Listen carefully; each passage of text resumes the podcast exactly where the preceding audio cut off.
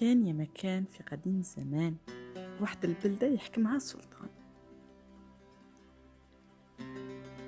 قرر السلطان يختبر الذكاء تاع سكان المملكة.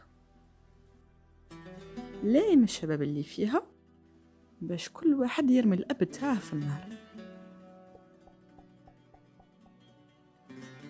الشباب راحوا طبقوا الأمر تاع السلطان تاعهم. إلا واحد اللي سموه يوسف دا الأب تاعو خباه في بلاصة وين حتى واحد ما يعرفها.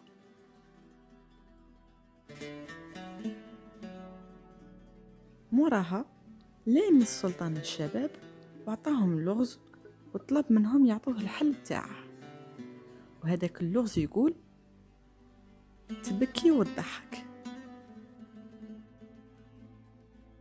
راح يوسف عند الأب تاعه وحكى له على الطلب تاع السلطان.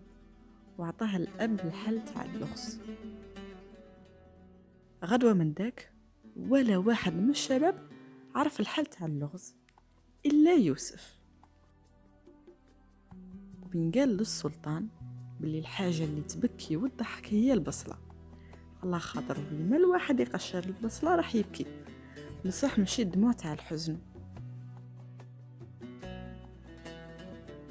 تفاجأ السلطان من الإجابة تاع يوسف. وزاد طلب من الشباب حاجة واحدة أخرى. وقال لهم باش يصنعوا لها ضفيرة من الرملة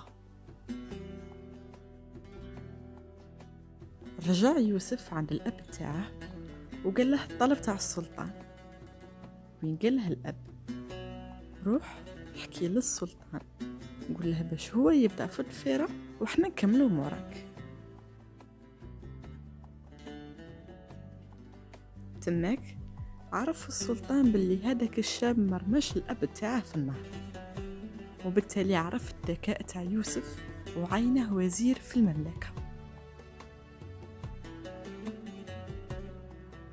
كانت هذه هي حكاية اليوم. نتلاقوا في الحلقة الجاية. سلام.